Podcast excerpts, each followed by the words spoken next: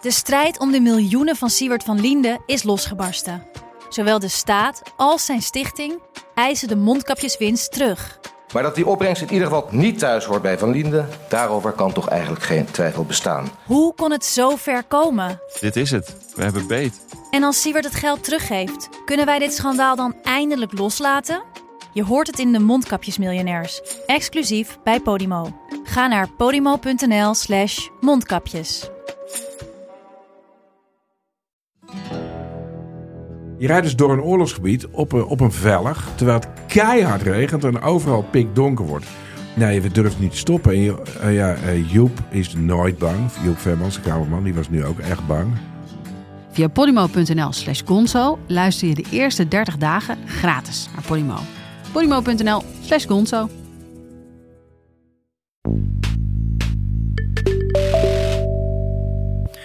The spread of the coronavirus, COVID 19, has been a major shock to the growth prospects of the global economy and the euro area economy, and it has heightened market volatility.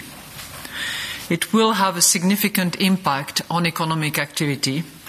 In particular, it will slow down production as a result of disrupted supply chains and reduce domestic and foreign demand. Ja, we zijn nu aan het begin van deze crisis. We zijn bezig met een tocht waarvan we niet precies weten hoe die eruit, zou, eh, hoe die eruit gaat zien. Het is wel ook een kwestie van stoelriemen vast. Want het zou wel eens, het economische weer zou er wel eens zeer guur uit kunnen gaan zien. And on a scale of 1 to 10, how would you rate your response to this crisis? I'd rate it a 10. I think we've done a great job. Dit is Betrouwbare Bronnen met Jaap Jansen.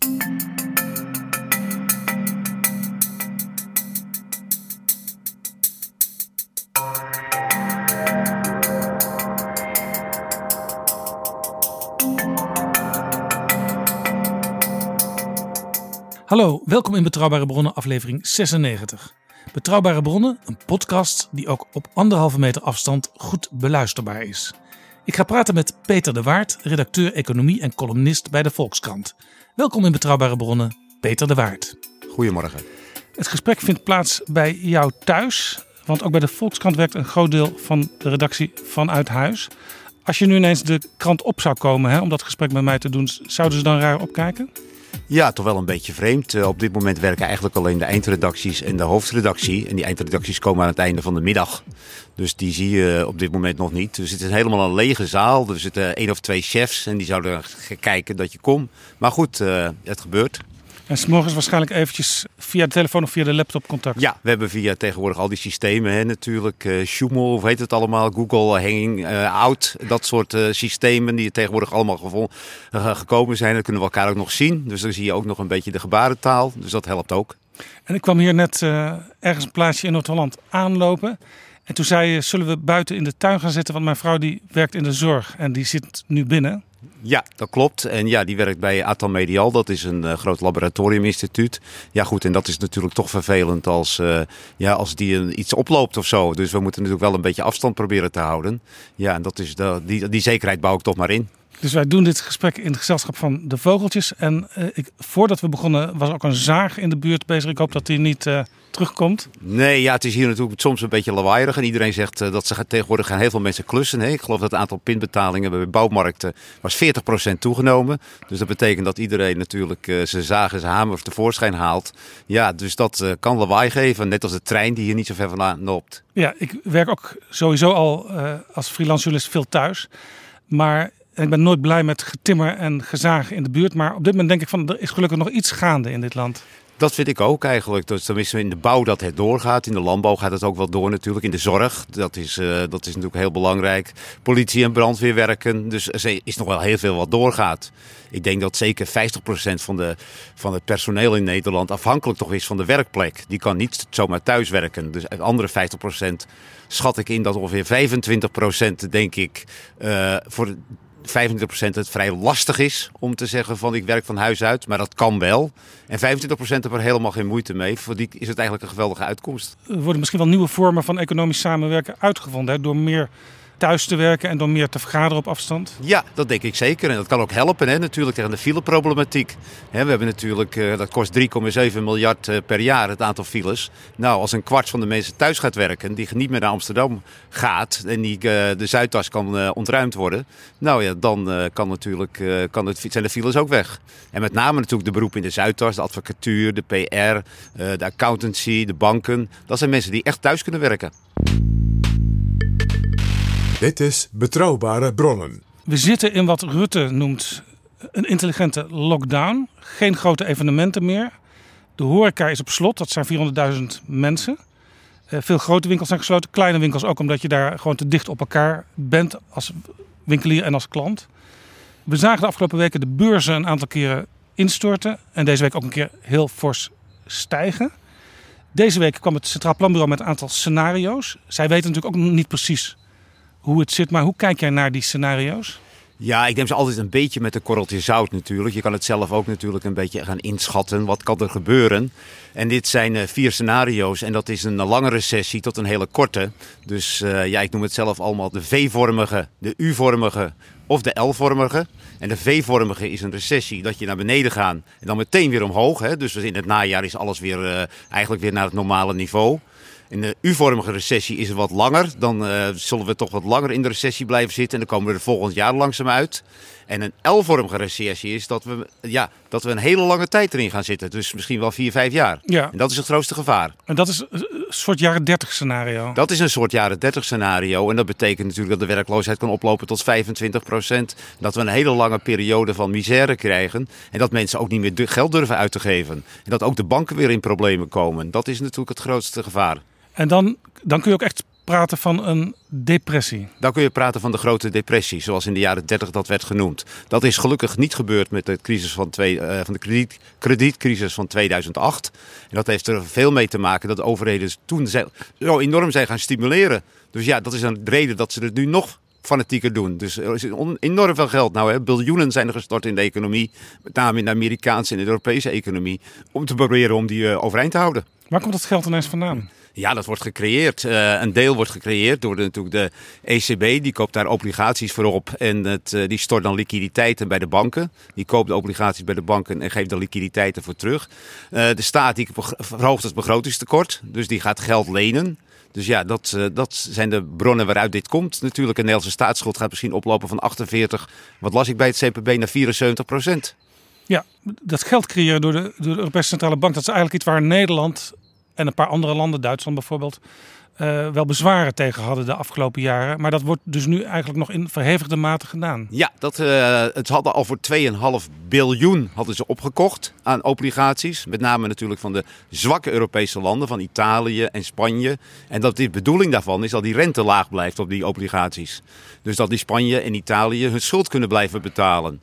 Ja, nu gaat het nog, komt er nog een biljoen bij, zeker. En ja, Lagarde heeft gezegd van... eh, Een biljoen, de- z- zullen we het hebben over duizend miljard? Want dat vind Ja, ik toch helderder dat- dat voor, is de, ook zo. voor de leek zoals ik. Ja, dus 1000 miljard, ja, dat klinkt ook enorm. En het klinkt misschien wat groter dan 1 biljoen. In, Ameri in het Engels heet het trouwens 1 trillion. Maar ik moet denken dat we toch in biljoenen moeten gaan denken tegenwoordig. Die getallen in miljarden worden zo enorm groot. Ja, dat is bijna niet meer eh, eh, te doen. Ja, ik weet nog op de, op de middelbare school kregen we natuurlijk economieles. Daar hadden we het over de miljoenennota. Ja, Eh, op een gegeven moment werd er gezegd, nou ja, je kunt beter praten over de miljardennota. Ja. Maar inmiddels zitten we dus in de biljoenen. we moeten echt in de biljoenen gaan denken in deze steunoperaties. Ja, dat is, ik weet dat bij de vorige crisis van 2008, er, kwam er, wel, eens- er werd een Amerikaanse bank gesteund met 50 miljard. Toen dachten we, wat een enorm bedrag. Maar nu is 1000 miljard al niks. Nee, nee. Als het die V-recessie wordt, dan valt het dus eigenlijk mee. Dat is ook de vorm waarvan Wopke Hoekstra hoopt dat die het zal zijn. Die Ja. hele korte dip. Ja. En dan over een paar maanden weer Ja. omhoog. Ja, dat we bijvoorbeeld in september alweer eigenlijk zeggen van nou alles is normaal, de lockdown is helemaal over. En we hebben een soort inhaalvraag hè, van mensen die zijn niet op vakantie geweest, die hebben weinig geld uitgegeven in de afgelopen tijd. En die gaan allemaal weer massaal een auto kopen, de huizenprijzen gaan weer stijgen. Alles weer, is weer zo normaal als het eh, was eigenlijk voor deze, voor deze coronacrisis. Is dat eigenlijk ook wel misschien de meest realistische eh, variant, omdat dit eigenlijk geen economische crisis is in eerste instantie, maar een gezondheidscrisis? Dat zou kunnen, maar een gezondheidscrisis kan snel overslaan in een economische crisis. Het, is natuurlijk, het hangt heel erg van het vertrouwen af. En uh, vertrouwen dat kan je niet kopen. En het, uh, als mensen natuurlijk toch door deze lockdown op een gegeven moment wat somberder worden, dat ze niet, geen geld meer uitgeven, uh, dat ze minder, ja, minder vaak op vakantie gaan, dat ze niet een auto meer durven kopen, ja, dan wordt de hele wereldeconomie meegesleept.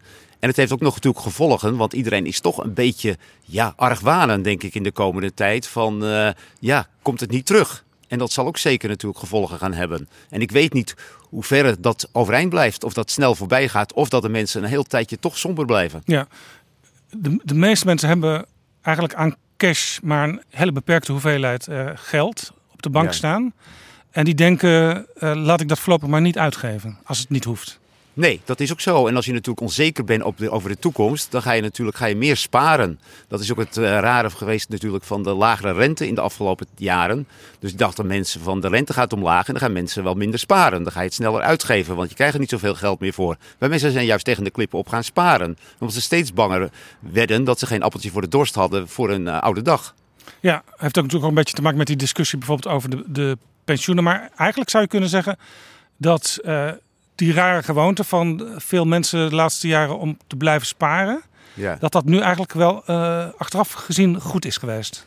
Ja, dat nou, voor de mensen zelf zeker wel natuurlijk. Voor de mensen die geld hadden. Hè, want dat is ook een heel veel groot verschil. Dat sparen gebeurt met name natuurlijk door de babyboom generatie. De oudere generatie. Die jonge generatie heeft ook al zijn geld nodig natuurlijk om zijn huis te kopen.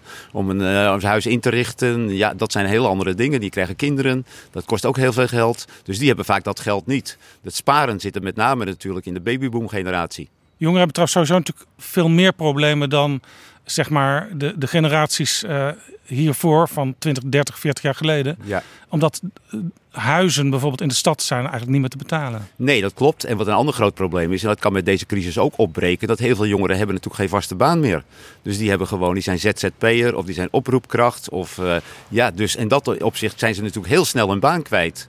En de zaak is, de zekerheid van deze banen is natuurlijk ook veel minder. Dus natuurlijk de mensen in vaste dienst, die kunnen nu in werktijdverkortingsregelingen bij veel bedrijven. Dus die krijgen gewoon hun salaris doorbetaald. Maar als jij oproepkracht bent of je bent ZZP'er, dan raak je gewoon je opdrachtgever kwijt. Ja, dan heb je helemaal geen inkomsten meer. Dus dan moet je naar een bijstandspotje. Nou, dat is altijd veel minder. En dan ga je toch bezuinigen in je uitgaven. Ja, ik ken veel collega's, ook freelancers, die inderdaad nu in grote problemen komen. Maar bijstand, dat is niet veel meer dan, dan 1000 euro per maand. Wanneer is het verstandig om die aanvraag te doen? Ja, ik zit er helemaal niet zo technisch in, maar er zijn loketten op dit moment geopend en daar kan je bij informeren. Dus het, uh, ik ben er nog niet bij geweest, dus ik weet niet precies hoe het in de praktijk gaat. Maar er zijn speciale loketten nu door het, uh, ja, door het ministerie van Sociale Zaken zijn opgericht en daar kan je dan terecht. En ja. dan kan je je melden. Maar het, ja, dat is allemaal een papierwinkel natuurlijk, want er zijn zo ontzettend veel aanvragen. En ja, wie moet het bij allemaal administratief afhandelen? De overheid kan ook niet zomaar ja, blikken met ja. ambtenaren opentrekken. Ja, en, en dan wordt van de bijstand, wat, wat echt zeg maar, de laagste uitkering is die er is daar moet je eigenlijk voor zorgen dat je er nooit in komt, want dan komen er allerlei andere dingen. Hè? Dan moet je bijvoorbeeld je huis, zoals dat noemen, je huis gaan opeten. Ja, er zijn allemaal speciale regelingen voor tegenwoordig. Het is niet altijd dat je meteen je huis moet gaan opeten, maar op een gegeven moment komt dat natuurlijk allemaal wel. Die angst komt wel naderbij en mensen worden dan steeds zuiniger. Ja, goed, en dan krijg je natuurlijk toch de sociale misère krijg je dan erg te zien. Dus ja, en het, we hebben dit nog niet meegemaakt natuurlijk. In de vorige crisis in 2008, toen werkten de meeste mensen nog in vaste dienst. Het is pas eigenlijk nu de laatste tien jaar sinds die crisis dat iedereen op grote schaal is gaan freelancen, de ZZP'ers. Ja, en dat zullen we moeten afwachten hoe dat nu gaat. Ja, ben jij zelf in dienst bij de Volkskrant? Ik ben zelf in dienst. Ik ben in vaste dienst. Dus ik heb daar op dit moment geen problemen mee. Maar goed, bij ons zijn er natuurlijk ook freelancers en er zijn er ook ZZP'ers. Ja, die hebben wel problemen. Die krijgen nog eens geen opdrachten meer. Kranten hebben sowieso wel een groot probleem op dit moment. Hè? Want er komen minder advertenties binnen. Ja, de crisis raakt de kranten ook met scheeps. Ja, dat klopt. Dat is natuurlijk uh, de hele media. Hè? Dus niet alleen de kranten, maar ook natuurlijk de televisie. Talpa heeft ook al gezegd dat ze mooie bezuinigingen moeten gaan doorvoeren. Bepaalde programma's. Ja, als je dat door. van iemand eigenlijk niet zou verwachten. Zo snel al was het van John de Mol. Toch een van de ja. meest uh, welvarende mensen in Nederland. Ja, die heeft als eerste aangekondigd. En het gekke is dat natuurlijk op dit moment de vraag naar media, naar nieuws, is natuurlijk op een, is geëxplodeerd. Dus heel veel mensen zitten nou de sites van de kranten af te gaan. Er wordt heel veel gekeken naar het journaal. Ja, dat is toch heel belangrijk natuurlijk, dat mensen informatie willen. Mensen zijn ook thuis, dus mensen luisteren en kijken heel veel. Mensen zijn in deze crisis ontzettend geïnteresseerd en willen daar alles van weten. Ja, goed, in dat uh, opzicht uh, wordt er veel meer nieuws geconsumeerd. Maar de nieuwsmedia zelf hebben het moeilijker. Ja. Heb jij zelf ook de hele tijd uh, radio en televisie aanstaan of gaat ook wel eens gewoon muziek op? Nee hoor, ik doe nog wel wat andere dingen. Ik kijk ook wel eens een crimi of zo, want anders word ik er een beetje gek van. Het is ook veel herhaling natuurlijk op een gegeven moment. En er is heel veel speculatie. En dat, uh, ja, met die speculatie, daar kan ik vaak niet zoveel mee. Ja, ja de, de, de publieke omroep heeft een programma dat heet Fabels en Feiten. En ik denk, uh, gooi die fabels er nou maar meteen uit, want die horen we al genoeg. Ja, precies. Nou ja, dat is ook een beetje zo. En soms denk ik van die fabels, dat ligt er zo dik op. Dus uh, ja, ik vind dat er soms wel heel veel informatie is om de tijd te vullen met dingen die ik eigenlijk al weet. Of die ik denk, nou dat hoef ik niet te weten. Nee, we hadden het net over de flexkrachten die nu in een hele lastige periode zitten. Uh, mensen die een vaste baan hebben, die krijgen dus nog gewoon betaald. want het kabinet heeft gezegd, zelfs voor bedrijven waar het heel lastig is, staan wij in voor 90% van het inkomen. Dus dat bedrijf hoeft dan zelf op dat moment nog maar 10% bij te leggen. Ja, dat is heel belangrijk natuurlijk met heel veel grote industriële bedrijven. Zoals uh, uh, Hoogovens, wat hier in de buurt zit, hè, Tata Steel.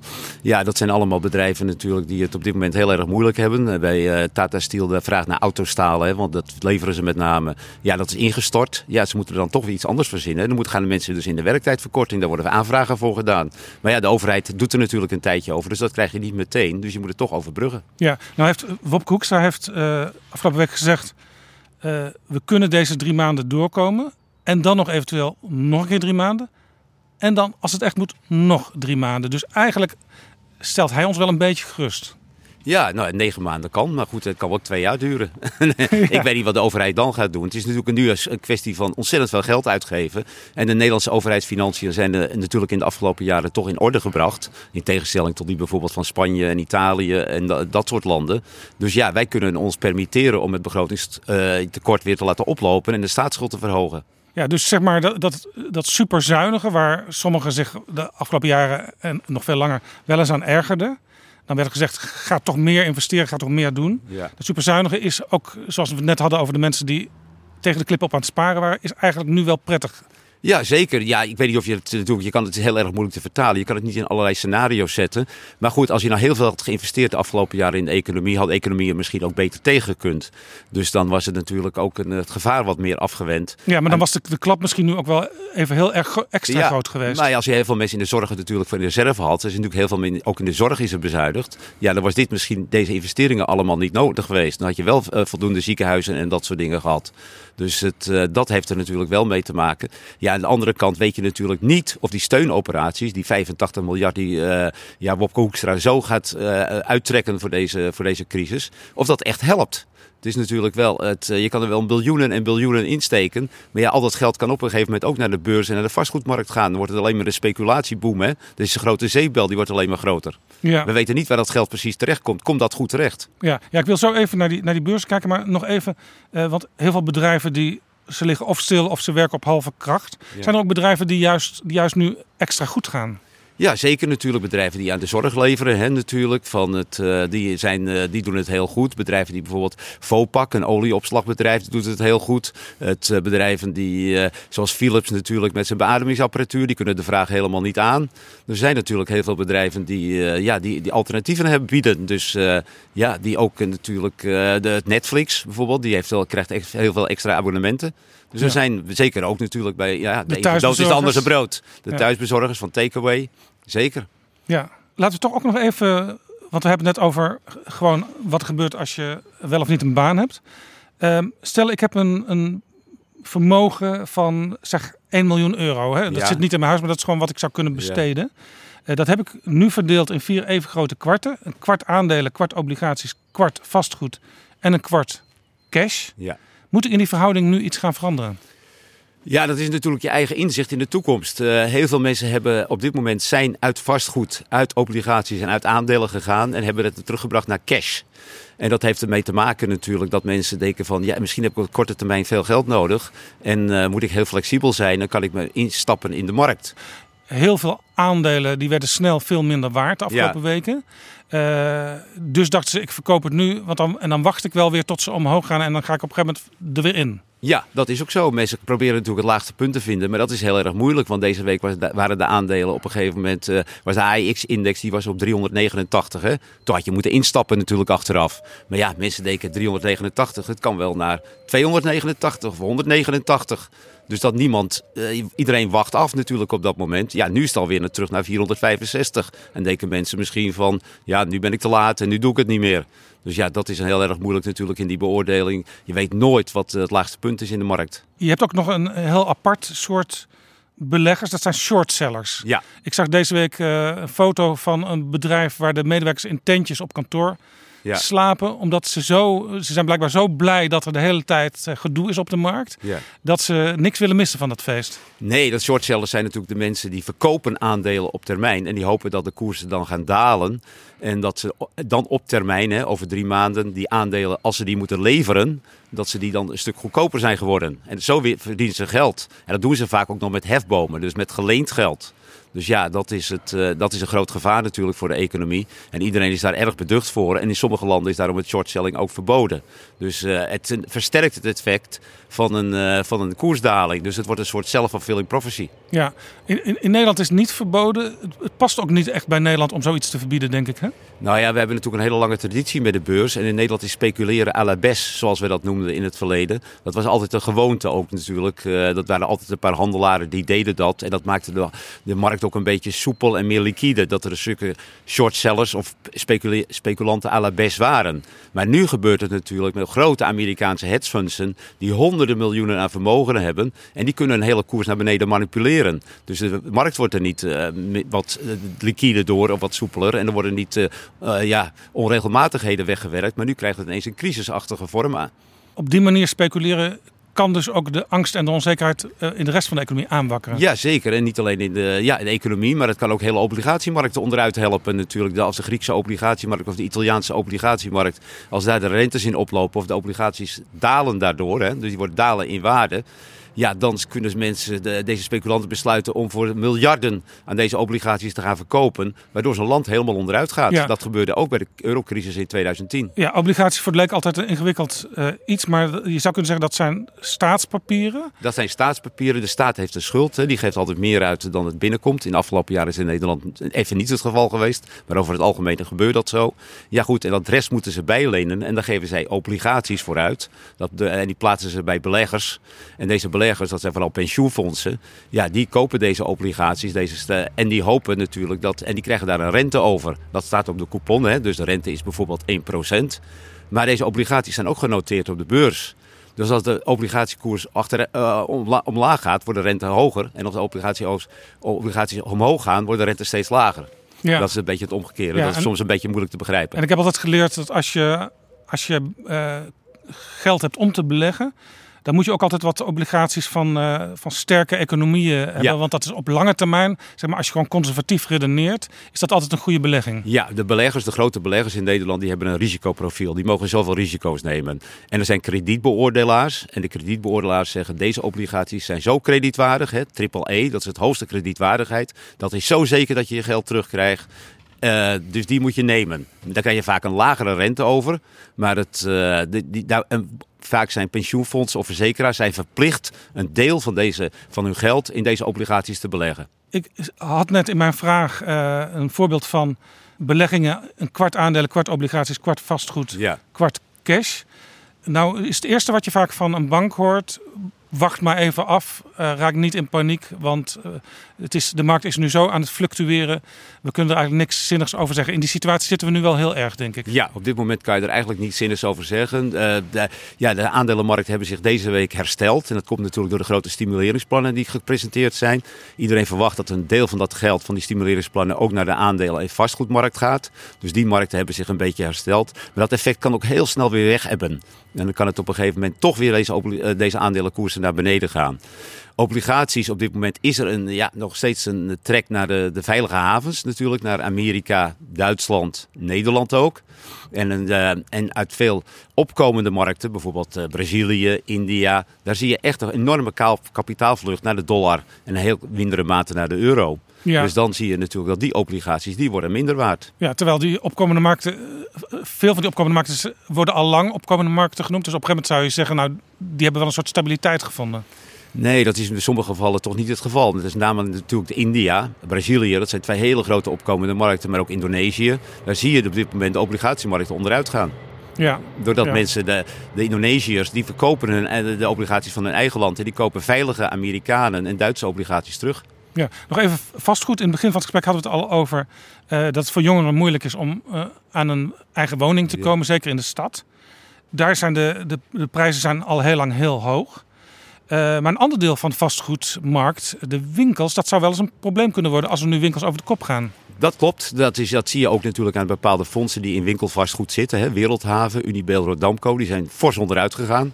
Dus uh, ja, men vreest natuurlijk toch dat uh, ja, die winkels uh, op een gegeven moment de niet meer kunnen betalen. Omdat ze te weinig inkomsten hebben. En er is ook nog een structurele trend. Dat is heel gevaarlijk natuurlijk voor de winkels. Ja, mensen raken nu gewend online te kopen. Steeds meer mensen doen het nu no noodgedwongen. En die denken van, nou ja, eigenlijk bevalt me dat wel, het bezorgen van spullen aan huis. Dus ja, die gaan in de toekomst misschien ook minder vaak naar, natuurlijk naar fysieke winkels. Ja, dat is natuurlijk nog een veel groter gevaar. Een ander gevaar is natuurlijk de kantorenmarkt. Er zijn natuurlijk heel veel mensen die op dit moment thuis werken. Ja, die ontdekken, nou eigenlijk kan dat net zo goed. Dus ik hoef direct niet meer naar het kantoor. Dus dan denken bijvoorbeeld accountants en banken, die denken van, nou ik kan die kantoren ook wel verkleinen. Die hebben minder vraag naar kantoren. Dit is Betrouwbare Bronnen. Een podcast met betrouwbare bronnen.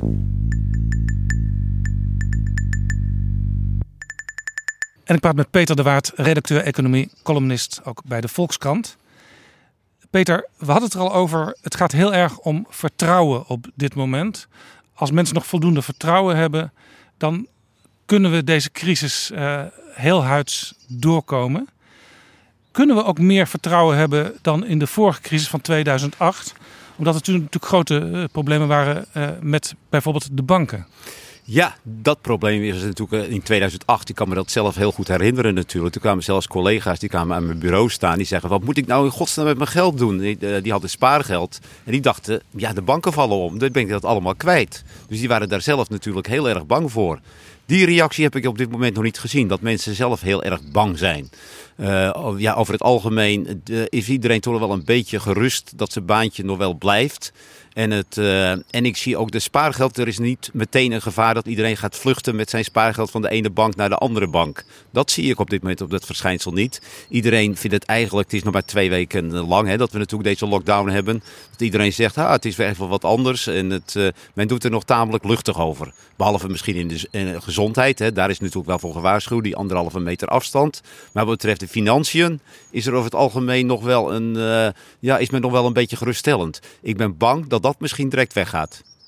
Wanneer kan dat omslagmoment komen? Ja, dat weten we natuurlijk niet helemaal zo. Uh, maar als er op een gegeven moment een bank gaat zeggen natuurlijk van... Uh, ja, we zien toch dat er uh, problemen zijn, dat de bedrijven gaan omvallen. Je ziet ook op een gegeven moment dat bedrijven echt massa-ontslagen gaan doorvoeren. Dat heel veel mensen natuurlijk ja, op straat komen te staan. En dat de banken natuurlijk slechte leningen blijken te hebben. En dat die, dat geld niet meer terugkomt van die bedrijven. Die kredieten, die worden oninbaar. Ja, dan krijgen de banken zelf een probleem. Dan ja, en, ze moeten waarschijnlijk ook extra geld uitlenen aan bedrijven die ja. uh, bijvoorbeeld uh, wel voorraden nodig hebben, maar niet zeker weten of ze dingen kunnen verkopen. Nee, heel veel bedrijven hebben natuurlijk, uh, moeten natuurlijk wel hun salarissen uitbetalen, moeten hun schulden aflossen, moeten voorraden kopen, maar krijgen geen inkomsten meer. Dat is dan helemaal stil. Dus ze moeten bij de bank moeten ze kredietlijnen op gaan vragen. Nou, die bank moet die wel geven. Natuurlijk heeft de centrale bank heeft natuurlijk heel veel hiervoor goedkoop geld beschikbaar gesteld. Maar ja, banken kijken natuurlijk wel. Die gaan het niet uh, geven aan bedrijven waarvan ze denken dat ze het nooit terugkrijgen. Want dan moeten ze allemaal natuurlijk, uh, ja, in de, in de toekomst moeten ze allemaal stroppen incasseren. Dat willen ze niet en dan vallen ze zelf om. Ja, een van de grote problemen uh, bij die vorige crisis, bij die bankencrisis, was dat er ook heel veel rare, slechte producten waren waarvan eigenlijk niemand kon navertellen wat nou precies de structuur van die financiële producten was. Zijn die nu vrijwel allemaal verdwenen, die producten? Nee hoor, die zijn er nog allemaal. Alles wordt nog met derivaten en zo. Er is nog, uh, dat is helemaal niet veranderd. De echte structuur is niet veranderd, behalve de banken zijn zelf wat beter gecapitaliseerd. Maar er zijn, uh, ja, natuurlijk, op dit moment kunt natuurlijk weer de huizenmarkt instorten in de, in de Verenigde Staten. En dan blijken natuurlijk weer heel veel banken toch slechte leningen hebben gehad. Er zijn hier ook heel veel mensen onder water. Er is natuurlijk wel iets gedaan natuurlijk, met, uh, je mocht niet helemaal meer tot 100% lenen als je begon. Je mag ook niet meer over de waarde van het huis zelf heen lenen. Dus dat zijn wel dingen die misschien iets veranderd zijn, maar dat is een detail. Als de vastgoedmarkt echt met 30, 20, 30% weer instort, komen er weer heel veel mensen onder water te staan en zullen de banken weer een groot probleem krijgen. Dus eigenlijk hebben we toch onvoldoende geleerd van die vorige crisis. Ja, we hebben altijd, uh, dat is zo, we zijn altijd heel erg hard leers in de crisis. Het enige wat we geleerd hebben is dat we de banken, dat daar strengere eisen voor uh, bestaan. Maar bijvoorbeeld ja, de kapitaalvlucht, en, uh, dat is allemaal, dat gaat precies hetzelfde. Er is geen verbod gekomen op bepaalde derivaten. Er is geen verbod gekomen op shortselling. Dat zijn allemaal dingen die nog te, wat iedereen graag had gewild was een financiële transactiebelasting. Hè? Dat was natuurlijk een van de grote wensen geweest. Van als je geld overmaakt van het ene land naar het andere land, flitskapitaal, dat je daar een kleine belasting over zou moeten betalen. Dat niet iemand in 10 seconden naar vijf continenten kon gaan met zijn kapitaal om daarin te speculeren. En helaas is dat ook niet gelukt. Nee. Nee, ik hoorde uh, Sylvester Eifinger, die ook wel eens te gast is geweest in Betrouwbare. Bronnen deze week, zeggen... Uh, gelukkig uh, hebben we nu geen systeemcrisis. Maar jij zegt eigenlijk, als ik je goed beluister, het zou wel om kunnen slaan naar een systeemcrisis opnieuw. Uiteraard, het kan altijd omslaan weer naar een systeemcrisis. Als dit een L-vormige recessie wordt, dan zal het zeker ook omslaan in een systeemcrisis en komt het financiële systeem onder druk te staan. Dat hopen ze te voorkomen door nu zo ontzettend veel geld erin te steken, dat het heel snel overgaat. Maar als dit niet lukt en het geld wat beschikbaar wordt gesteld, ja, dat blijkt toch niet het vertrouwen te kunnen herstellen in de, van de bedrijven en van de consumenten. Ja, dan krijgen we weer een systeemcrisis. Dat kan niet anders. Nee. Nee, we hadden het net over ehm, de aanpak van het kabinet en dat die, dat die vooralsnog de Nederlanders voldoende vertrouwen geeft. Ja. En dat Nederland ook best wel een heel eind daarmee vooruit kan. In ieder geval negen maanden, zegt Hoekstra. Misschien zou het nog wel langer moeten. Het Centraal Planbureau zegt ook in de scenario's die, ze, die het heeft doorgerekend... Eh, zelfs in het zwartste scenario kan Nederland dat met de staatsfinanciën zoals die er nu zijn hebben.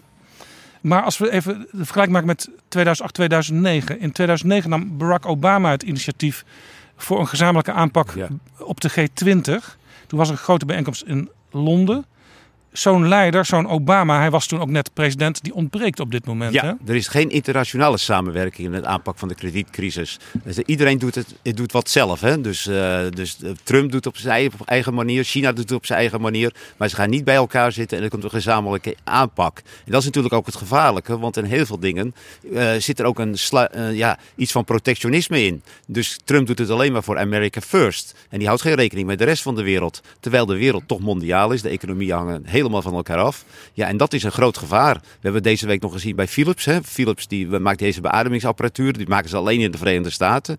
Ja, en dan zegt ja, als jullie het in de Verenigde Staten maken, dan is America First. Moet, moeten wij ze ook krijgen? Ja, dat is natuurlijk heel gek. Want eigenlijk moeten ze natuurlijk zijn op de plekken waar ze het hardst nodig zijn. En dat was natuurlijk in 2009, toen op de conferentie van Londen, hebben ze meteen afgesproken geen protectionisme. En dat was een van de allerbeste afspraken die toegemaakt is. Ja, je zou dus kunnen zeggen dat, uh, zeker vanuit Nederland geredeneerd, uh, het beleid van Trump de afgelopen jaren al, eigenlijk al een soort bodem heeft gelegd uh, voor een verscherpte economische terugval. Ja, dat is het gevaar natuurlijk. Er zal Nederland er als meeste last van hebben. Wij zijn natuurlijk ontzettend afhankelijk van de internationale handel. En als alle landen natuurlijk uh, ja, protectionistische maatregelen gaan nemen en zeggen van ja, ik wil in de toekomst ook zelfvoorzienend zijn. Dat is natuurlijk ook een beetje het gevolg van deze crisis. Dan zal Nederland als een van de hardste worden getroffen. En, en het grootste probleem is, heel groot probleem is natuurlijk ook dat de twee grootmachten zoals die er nu zijn, niet alleen Amerika, maar ook China, dat die de grootste ruzie met elkaar hebben al een aantal jaren. Dat klopt. En we zijn natuurlijk ontzettend van China afhankelijk natuurlijk met heel veel producten. we kunnen niet eens antibiotica maken in, in, uh, in het Westenmeer. Dat moet allemaal uit China komen. Zelfs mondkapjes, zoiets ja. als mondkapjes, ja. die moeten we nu uit China halen. Ja, ook de beademingsapparatuur van Philips. Daar kan Trump natuurlijk wel zeggen van, uh, ja die moet je alleen voor de Amerikaanse markt maken. Maar 80% van de onderdelen zijn weer Chinees. Ja. Dus ja, dan zeg ik dat China wel zeggen van, ze eigenlijk zouden ze naar China moeten. Ja, ja ik, las, ik ben, ben het even kwijt, maar ik las deze week, uh, er moest iets worden uitgeprobeerd, een nieuw middel in Nederland. Maar in Nederland hebben we daar iets strengere regels voor dan bijvoorbeeld in het Verenigd Koninkrijk en de Verenigde Staten. Uh, en dat bedrijf zit gelukkig ook in die landen, dus dat ging het dan daar uitproberen. Maar we lopen dan het risico, zeker met de Verenigde Staten, dat we het middel dan ook niet eens meer terugkrijgen in Nederland. Nee, dat is ook zo. Heel veel innovatieve processen, die zijn natuurlijk ook mondiaal. En ja, dan is degene die het meeste macht heeft, of de grootste markt heeft, hè, de Amerikaanse markt is natuurlijk veel groter dan de Nederlandse markt. Ja, die, die pakken het. En dan heeft Nederland natuurlijk nog een ander probleem. Want we kunnen wel zeggen, onze staatsfinanciën zijn gezond. Maar we hebben natuurlijk wel te maken met ook de rest van de eurozone. Ja, over die eurozone uh, gesproken. Christine Lagarde die zei in eerste instantie iets in de trant van... ik ben geen uh, Mario Draghi uh, 2.0. Ik ga me niet heel erg bemoeien met het met een, met een mooie spread. E-, even, even tussendoor, wat is een spread? Nou, een spread is het renteverschil wat er is tussen de ene obligatie van een eurozoneland en de andere obligatie van een eurozoneland. Dus je hebt de, en de Italianen, als die een staatslening uitgeven, moeten ze 2,5% betalen qua rente. De, omdat de Italiaanse overheid minder wordt vertrouwd dan de Duitse overheid. Die krijgt zelfs geld toe. En dat verschil tussen die twee rentes, dat is 2,5%. Het idee van Draghi was dat verschil moet niet te groot worden. Nee, en Draghi heeft daarvoor besloten natuurlijk. Die heeft gezegd, whatever it takes, ik koop alle Italiaanse staatsobligaties op, desnoods. En dat doet natuurlijk op dit moment Lagarde weer. Dus die zegt van... Ja, dat eh, zei ze, maar, maar dat zei ze pas in tweede instantie. Hè? In eerste instantie zei ze dat ja. niet. In eerste instantie zei ze dat niet en een week later zei ze het wel. No limits, zei ze toen. Dus het, uh, ja, dan is ineens van het... Uh, maar goed, dat laatste waren Nederland en Duitsland natuurlijk tegen. Hè? Aanvankelijk was er natuurlijk een unanieme beslissing om te zeggen van, ik ben geen tweede Draghi. En een week later, toen heeft ze met meerderheid van de landen, met name de zuidelijke landen, heeft ze gezegd no limits. Ja, ja Nederland, Nederland is dus zuinig. Uh, Wop Koeka zegt nu ook nog steeds. Uh, wat Nederland betreft gaan we nog niet alle middelen die voorhanden zijn inzetten. Want we weten niet wat er straks nog te gebeuren staat.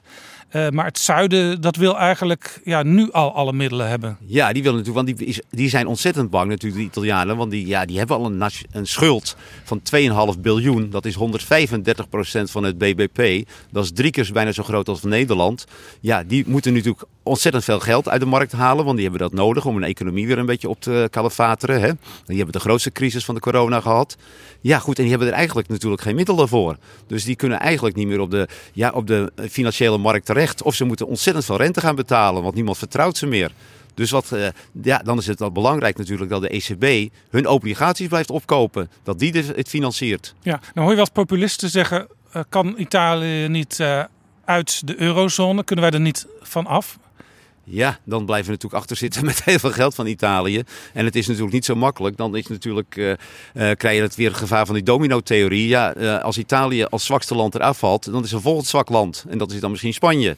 En moeten dan die dan ook af. Nou, dan kan je net zo goed de hele eurozone meteen opheffen.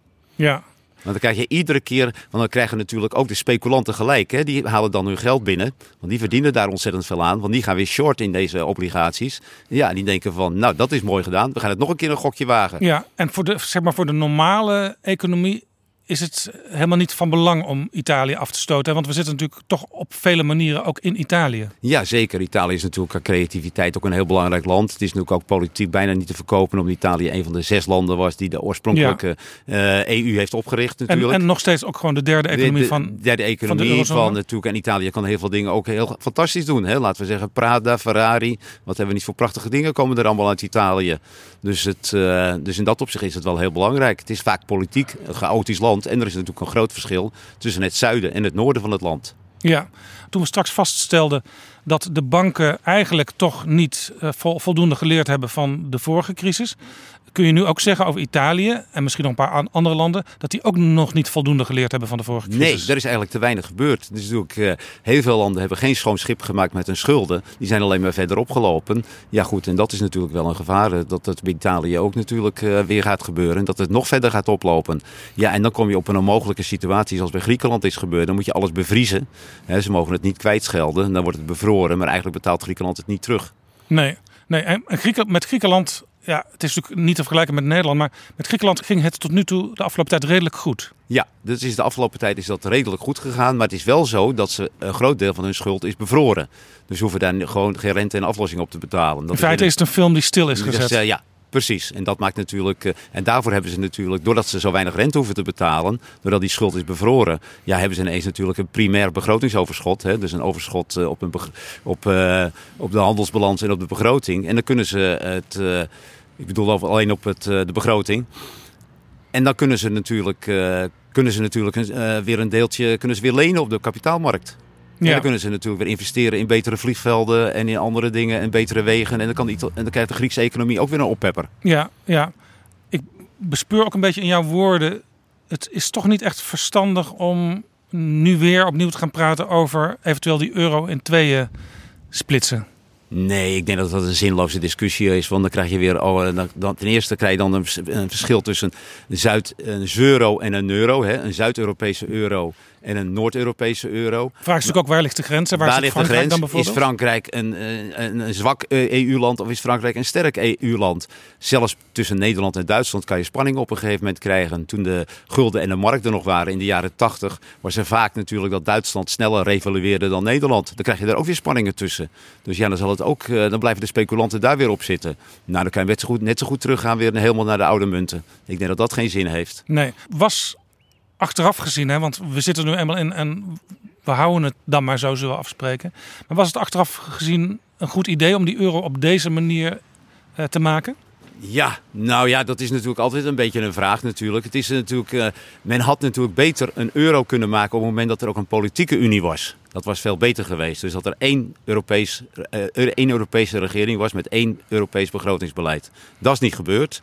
Maar goed, de euro heeft voor Nederland en Duitsland enorme voordelen gehad. In zoverre, ja, natuurlijk dat de euro, de euro over het algemeen, uh, ja, door de zwakte van Italië en Spanje, niet erg duur was. En dat heeft onze concurrentiepositie ontzettend versterkt. Dus wij kunnen ontzettend veel exporteren en Duitsland ook. Dat hebben we de afgelopen tien jaar uh, of de afgelopen twintig jaar enorm van geprofiteerd. Van de lage waarde van de euro op de internationale markt. En als wij zelf de gulden en de markt zouden invoeren. Ja, dan zouden de koersen daarvan misschien al 30, 40 procent omhoog gaan. En dan worden wij veel minder concurrerend. Nee, dus dat is ook het antwoord als mensen toch weer beginnen te zeuren over Italië. En moet dat allemaal wel? Ja. Uh, we hebben er toch ook uiteindelijk wel heel veel voordeel van gehad. Dat is zeker. Ik denk dat wij er misschien nog meer voordeel hebben van gehad als Italië en Griekenland. Want die, voor die is de euro relatief duur. Als die morgen hun eigen munt invoeren dan zouden ze meteen natuurlijk devalueren en zouden ze goedkoper zijn. En dan zouden ze natuurlijk, uh, ja, zouden zij natuurlijk een exportpositie weer kunnen herstellen.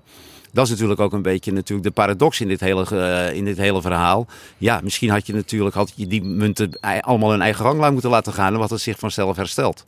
Ja, de centrale bank helpt nu de economieën. Er wordt wel gepleit voor eurobonds, in deze tijd ook wel coronabonds genoemd. Wat zijn dat?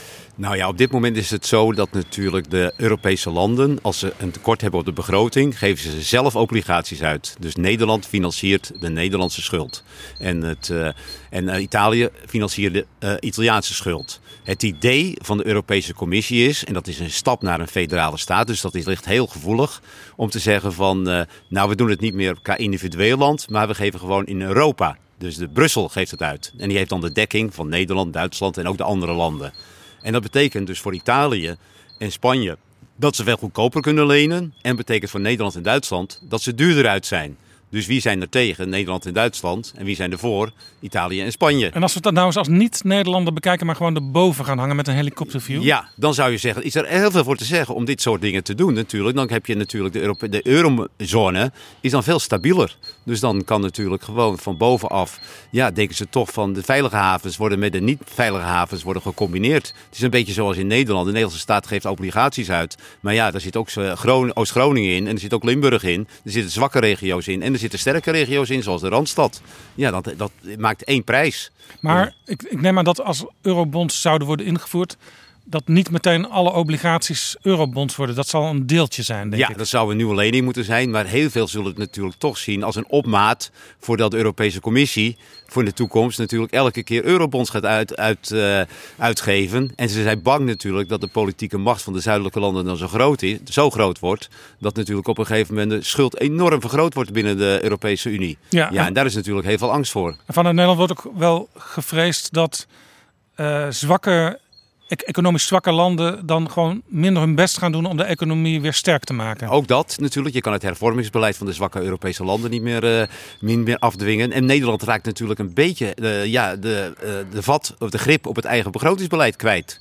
Dus ja, er wordt in Brussel wordt er geleend. Ja, en wij moeten daar, staan er toch garant voor. Ja. Dus wij moeten daar ook aan mee betalen. Ja, goed. En dan weet je niet, als in Brussel heel veel wordt geleend. Ja, dan heeft, heeft uh, minister Hoekstra gewoon een tekort op de begroting. En dan kan hij zelf niks aan doen en dan kan hij niet, kan hij niet tegenop bezuinigen. Is het gevaar sowieso niet groot dat, dat landen als Nederland en Duitsland nu worden meegetrokken door die zwakke landen? Dat is ook zo, maar ja, dat worden ze even goed natuurlijk wel hè, op dit moment. Uh, nu wordt het via de centrale bank wordt het allemaal opgekocht. Stel dat de eurozone ooit wordt opgeheven, dan moet toch die schuld die de de, centrale, of de, de vorderingen die de centrale banken hebben op Italië en Spanje, die moeten toch uh, verdeeld worden over de landen. Ja, want die Nou, schuld kan het land zelf niet terugbetalen. kan het zelf niet terugbetalen. En dan moet Nederland en Duitsland zullen toch een groot deel moeten kwijtschelden of afschrijven. Ja. Als het straks weer goed gaat, hè, stel we hebben die V-recessie, dus korte schok, maar in de zomer kunnen we misschien al een klein beetje positief worden. Ja. Wat betekent dat voor de pensioenen? Want er werd in Nederland natuurlijk al heel erg moeilijk gekeken als het ging over de toekomst van onze pensioenen. Eh, Er wordt wel eens vergeten dat Nederland een van de beste Ja. pensioenstelsels, misschien wel het beste ter wereld, heeft. Nu kijkt iedereen met angst en vrezen, wat gaat er met mijn toekomstig pensioen gebeuren? Hoe staat het daarmee? Nou ja, ik denk natuurlijk dat op een gegeven moment, eh, als dit een V-vormige recessie wordt en de aandelenkoersen in het najaar trekken aan, en die zijn nog hoger op 31 december dan ze op 1 januari waren, ja, dat dan het gevaar voor de pensioenfondsen in dit opzicht natuurlijk is afgewend. En hun vastgoedportefeuilles lijken net zoveel waard te zijn als het eh, op 1 januari was. Het pro- probleem blijft natuurlijk voor de pensioenfondsen, maar dat is meer een structureel probleem. Dat is natuurlijk de lage rente. Een klein voordeeltje kan zijn van deze crisis dat er nu zoveel geld op de markt wordt gesmeten dat inflatie aantrekt en dat ook de rentes omhoog gaan. Ja, ja, dat is dan misschien weer een mooi punt. Maar dan krijgen we dus ook dat eh minister Koolmees en de vakbonden en de werkgeversorganisaties en de pensioenfondsen eh, ja, eigenlijk met een gerust hart dat nieuwe systeem eh, verder vorm kunnen geven. Nou ja, dus, is, daar is natuurlijk absoluut geen gerust hart. Want er zijn natuurlijk andere, heel veel andere problemen met die pensioenen. Dus eh, dat, eh, dat pensioenakkoord dat is nooit een, een hamerstuk. Dus dat ze nog even goed nog heel veel problemen geven. Want die rentes blijven natuurlijk op dit moment nog, heel, nog laag. Ja, alleen als de rentes natuurlijk enorm gaan aantrekken, dan wordt het misschien wel beter. Ja. We hebben de afgelopen tijd heel vaak ook gehoord over het Wopkefonds of het Wiebes Wopkefonds. Dat was toen de economie nog eh, er blakend Ja. voor stond. Het idee van Nederland kan zo makkelijk lenen. We krijgen zelfs geld toe. Laten we dat geld maar gaan inzetten voor allerlei innovatieve processen. Ja. Daarvan heeft het kabinet nu al gezegd, nou dat idee dat parkeren we even. Daar gaan we even wat later naar kijken. Eh, maar als al dat geld nu al wordt uitgegeven aan het overeind houden van de economie, is daar straks nog voldoende geld voor zo'n fonds? Ja, dat is de vraag natuurlijk in de komende tijd. Het was natuurlijk een mooi en luxe probleem natuurlijk. Je kan heel veel geld geven aan innovatie en natuurlijk aan nieuwe bedrijven. Op het moment natuurlijk dat je heel veel geld hebt. Maar als je het niet hebt, ja, dan denk je laat het toch maar het bedrijfsleven het zelf maar financieren. Dus dat is de vraag. Dat moet, dan moet natuurlijk Wopke Hoekstra en Wiebes moeten heel sterk staan binnen het kabinet om dat fonds overeind te houden. Ondanks het feit dat er misschien bezuinigd moet worden. En dat er toch nog geld beschikbaar is voor dit fonds. Want uiteraard is het natuurlijk zo. Als dit zo oploopt naar 74% de staatsschuld. Zoals het eh, Centraal Planbureau eh, heeft gezegd. Ja, dan zullen we natuurlijk op een gegeven moment weer moeten bezuinigen. Want we moeten toch weer terug naar die 60%. Ja, ja. Even iets heel anders. eh, want straks staan we misschien niet tussen de puinhopen, maar gewoon weer tussen een, een hele goede Laak het van gezondheid. economie. Mm. Eh, is dit misschien toch niet een moment om nog eens wat structureler na te denken over de inrichting van onze economie? Er zijn mensen die zeggen, ja, misschien is het helemaal niet zo verkeerd als er wat luchtvaartmaatschappijen omvallen. Ja, dat is natuurlijk, eh, dat zeggen eh, mensen over de luchtvaartmaatschappijen van andere landen. Dus nooit over hun eigen luchtvaartmaatschappij. Dus Nederland zegt natuurlijk, het is heerlijk als EasyJet en Ryanair omvallen, maar niet eh, heerlijk als KLM omvalt. Dus iedereen is, kijkt natuurlijk gewoon naar zijn eigen luchtvaartmaatschappij. Dat zal het grote probleem zijn. En de luchtvaartmaatschappij en de hele luchtvaart is natuurlijk een zeer verpolitiekte markt. Nederland heeft niet voor niks, heeft op Hoekstra vorig jaar een groot belang gekocht in KLM. Dus Air France KLM. Omdat natuurlijk overal, ja, vinden ze een eigen luchtvaartmaatschappij. Dat is een van de belangrijkste dingen na het volkslied en, het, eh, en de vlag. Maar Dus- waar- waarom is een luchtvaartmaatschappij zo belangrijk? Want ik hoor ook altijd dat die eh, maatschappijen ja, op een koopje werken, want eh, Ja. ze krijgen allerlei staatssteun. Ja, dat klopt. Zelfs de, vlieg- ja, de, de, de, de vliegtuigfabrikanten, hè, Airbus en Boeing, die krijgen- worden ook overeind gehouden met staatssteun. Dus uit zichzelf dragen ze eigenlijk niks bij aan de economie, zou je kunnen zeggen. Nee, het is, kost eigenlijk alleen maar geld. Maar goed, men is, het is de glitter en klemmer van het vliegen, denk ik, dat dat er nog steeds op zit. En dat ieder land het belangrijk vindt om een eigen luchtvaartmaatschappij te hebben.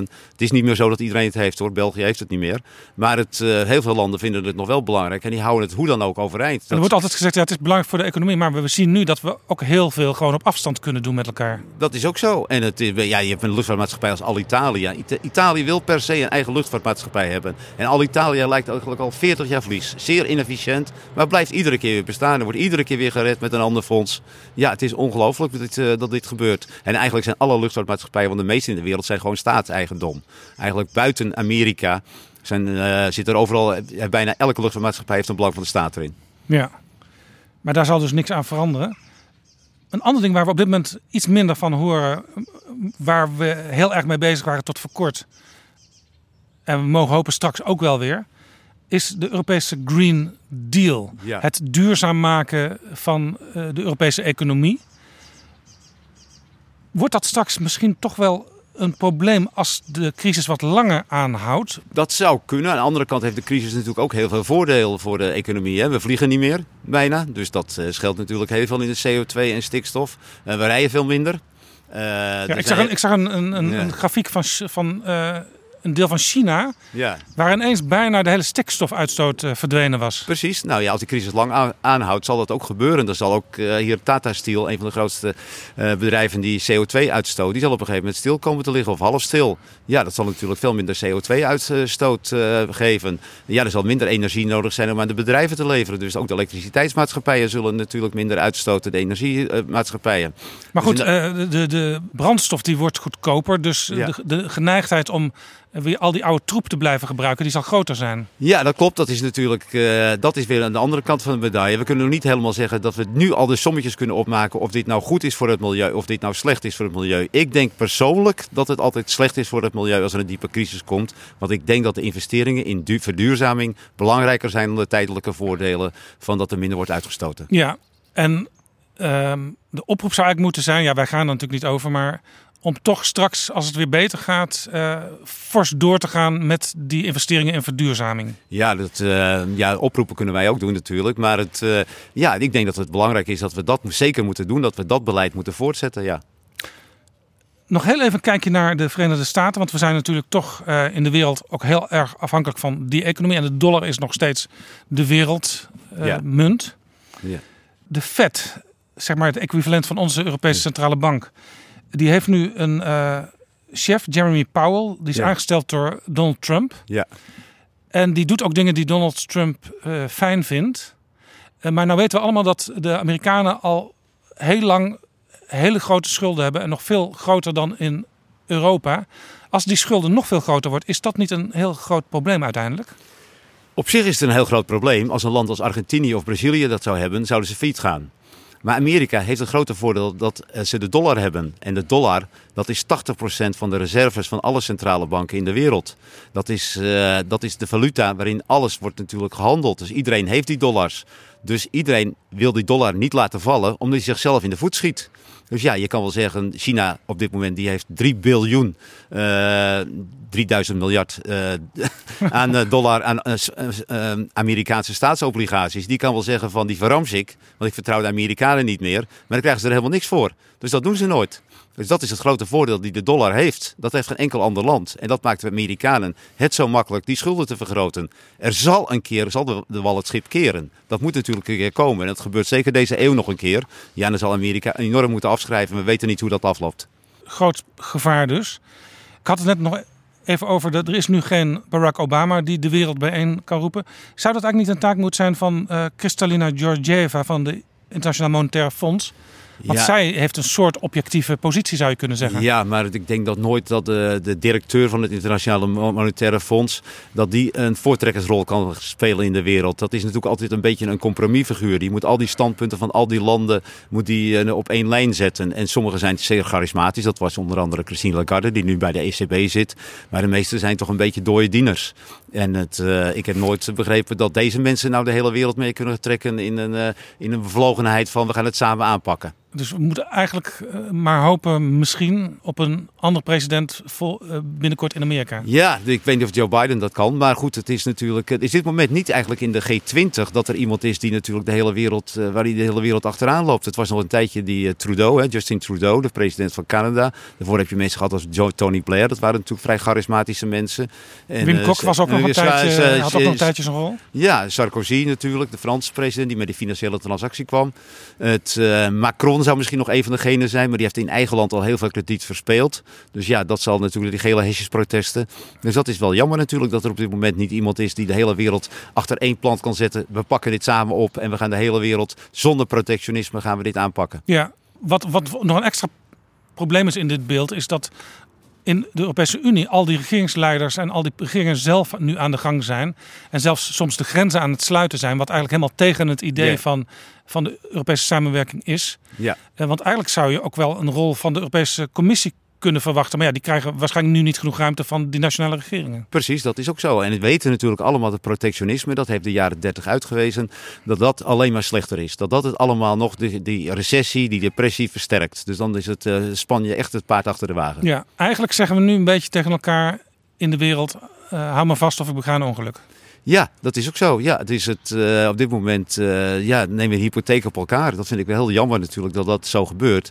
En dat, dat vind ik eigenlijk een van de meest ongunstige dingen in vergelijking tot 2008. Toen was er nog een elan van we pakken het samen op. En toen heeft China, heeft India, hebben al die G20 landen, Brazilië, die hebben meegeholpen. Dus we hebben de BRICS zoals ze toen werden genoemd. Die kwamen samen met de oude industriële wereld tot één front. Nou, en dat heeft natuurlijk in, 2000, in maart 2009, toen ze in Londen zaten, heeft dat ook de hele stemming gekeerd. Ja, tot slot. Op de laatste zondag van januari zat Klaas Knot in Buitenhof. En die zei eigenlijk vrij onverhoeds. Ik dacht, waarom zegt hij dat nou? Maar hij zei, ik geef de Nederlandse economie een 9. Als jij nu een cijfer zou moeten geven, wat zou het zijn? nou, ik heb beter aan Klaas Knot. Ik vond dat toen al een heel erg hoog cijfer. Ik denk dat Klaas Knot nu geen antwoord meer wil geven. Nee, dat kan hij natuurlijk niet. Het is heel erg moeilijk om te speculeren. Maar goed, we staan er beter voor natuurlijk dan uh, veel andere landen in Europa. En het, dus ja, je kan best wel een zeventje geven. We kunnen deze crisis hebben, hè, zoals Bob Hoekstra zegt, drie kwartalen. Dus ja, het is niet zo dat wij nou ineens onvoldoende zijn. Er zijn wel landen die er heel wat slechter voor staan. Misschien zouden we moeten zeggen, we slaan het examen even over en we kijken later in het jaar hoe we ervoor staan. Nou, dat zou mooi zijn. Hè? Alle examens worden overgeslagen, dus misschien deze ook. Peter de Waard, mag ik jou hartelijk danken voor dit gesprek over de economie in jouw eigen tuin. Oké, okay, dankjewel. En laten we hopen dat we snel weer gewoon elkaar weer in de stad of op een redactie kunnen treffen. Ik hoop het ook. dankjewel.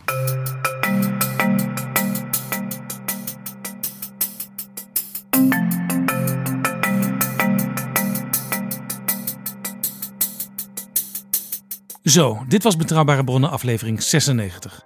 Vond je deze aflevering interessant? Geef ons dan, als je wil, een waardering in je podcast-app. Heb je vragen of opmerkingen? Mail dan naar betrouwbare. Deze aflevering is mede mogelijk gemaakt door We Nederland. Overweeg je Betrouwbare Bronnen te sponsoren of in deze podcast te adverteren? Stuur dan een mailtje aan Flip Kilian Adams. Dat is flipapenstaartdagennacht.nl. Tot de volgende keer. Betrouwbare bronnen wordt gemaakt door Jaap Jansen in samenwerking met dag en nacht.nl.